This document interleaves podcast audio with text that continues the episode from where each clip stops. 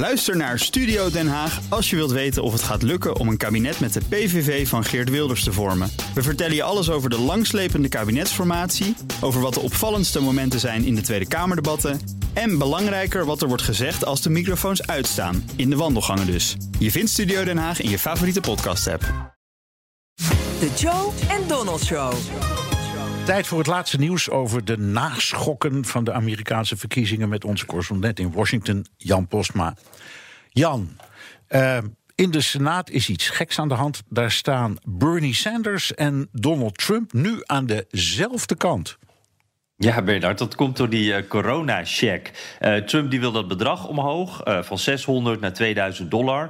nou, McConnell, republikeinse leider en de meeste republikeinen hebben daar helemaal geen trek in. Maar Bernie Sanders natuurlijk wel, die roept dat al veel langer. En ik moet zeggen, het is wel een mooi gezicht hoor, dat die, die zelfverklaarde socialist Bernie Sanders nu met een poster van een tweet van Donald Trump aan het zwaaien is op de senaatsvloer. En Sanders moet er zelf ook nog wel wat aan wennen. ik moest er zelf wel om lachen, dat, dat, dat een beetje dat ongemakkelijk ongemakkelijke gevoel wat Sanders heeft, uh, dat werd nog een keer extra dik aangezet door Fox News. En dat klonk zo. You've called President Trump a racist, a sexist, a xenophobe, a religious bigot, a demagogue, a liar. But now you say he's a visionary when it comes to 2000. Oh, I didn't say visionary. No, I didn't, Brett. I think President Trump is the most dangerous president in the history of our country, but he happens to be right on this issue. I think he is correct in saying that we are living in a terrible, terrible economic moment for tens of millions of working class families. Uh, we fought very hard to get the $600 direct payment. Trump is right in saying that's not enough. We need to go to $2,000. I didn't say he was a visionary. He's right on this issue. Ja, op dit punt heeft hij dan gelijk. Uh, maar dan komen Trump en Sanders die, die uh, elkaar ook voor, voor rotte vis uitmaken. Hè. Trump die zegt ook al jarenlang over Sanders, hij is het rode gevaar. Uh, die staat samen, staan ze nu op de barricade dus voor dit onderwerp. het lijkt alleen voorlopig nog even niets op te leveren... want McConnell en de Republikeinen die geven niet toe. Nee. Jan, op 5 januari zijn er belangrijke verkiezingen in de staat Georgia. Daar wordt bepaald welke partij de meerderheid krijgt in de Senaat. Beide partijen halen alles uit de kast. Ja, uh, Trump die is uh, maandagavond in Georgia. Dat is dus de avond voor de verkiezingen. Biden is er maandagmiddag al.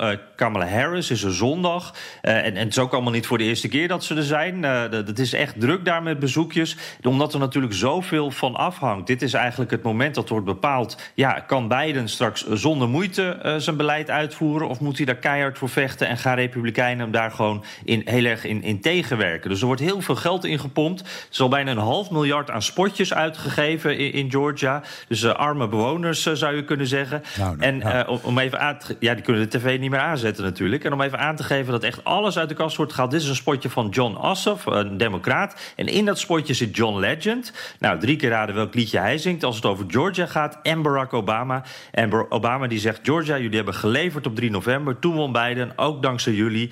nu zijn jullie weer aan zet. Now America's counting on you again. You can send John Ossoff to the Senate to beat this virus and rebuild our economy, to make sure everybody can afford health care, and to carry the torch John Lewis passed to us with a new Voting Rights Act that secures equal justice for all. Georgia, you have the power, and now it's time to vote.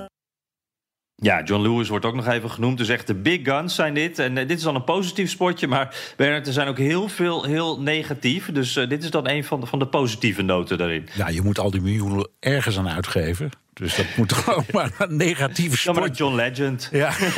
Oké, okay, 6 januari belooft een hele spannende dag te worden. Dan wordt de uitslag van de verkiezingen officieel gemaakt aan het congres. Dat is normaal een hamerstuk. Uh, maar nu komt er heel wat politiek theater bij kijken. Binnen en buiten het congres. Ja, want die, die electoral votes die worden dan officieel uh, geteld. En, en we zien nu langzaam een beetje uh, wat daar dan uh, precies gaat gebeuren. Die, die, de eerste Republikeinse senator die heeft zich gemeld, die gaat protesteren. Josh Hawley. Hij gaat een bezwaar indienen tegen die uitslag. En er waren al wat leden van het Huis van Afgevaardigden, ook Republikeinen, die ook datzelfde zouden doen. Maar omdat er nu ook een senator is, kan er ook een debat en een stemming over worden aangevraagd. Dus dat betekent dat er straks eerst twee uur in ieder geval gedebatteerd moet worden. Uh, en als er meer staten bij komen, wordt dat ook langer. Het zal uiteindelijk de uitslag niet veranderen. Hè, dat blijft gewoon uh, Biden. Maar uh, dit wordt dus wel een groot politiek theater, wat natuurlijk overal uitgezonden zal worden. en ondertussen worden er ook steeds meer demonstraties gepland in Washington voor, voor diezelfde dag. Trump moedigt dat ook aan hè, via Twitter. wees erbij, zegt hij. Dus je kan je die beelden van die dag nu al voorstellen. Dit wordt een dag van protest. En, en dat zal voor die Trump-supporters ook het beeld versterken dat die verkiezingen inderdaad gestolen zijn. Alhoewel daar dus nog steeds geen bewijs voor is. Nee, nee even heel kort, Jan.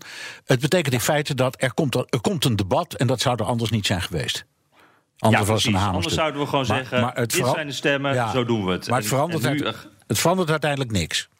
Nee, precies. Uiteindelijk aan het eind van de dag is Biden uh, wordt nog steeds gewoon uh, geïnaugureerd op 20 januari. Dankjewel, Jan Postma, onze correspondent in Washington. Wilt u meer horen over dat fascinerende land? Luister dan naar de Amerika-podcast. Jan en ik hebben er net weer eentje gemaakt. Staat net online. Ook Bas van Werven vind je in de BNR-app. Ja, je kunt live naar mij en Iwan luisteren tijdens de ochtendspits. Je krijgt een melding van Breaking News. En niet alleen onze podcast Ochtendnieuws, maar alle BNR-podcasts vind je in de app. Download nu de gratis BNR-app en blijf scherp.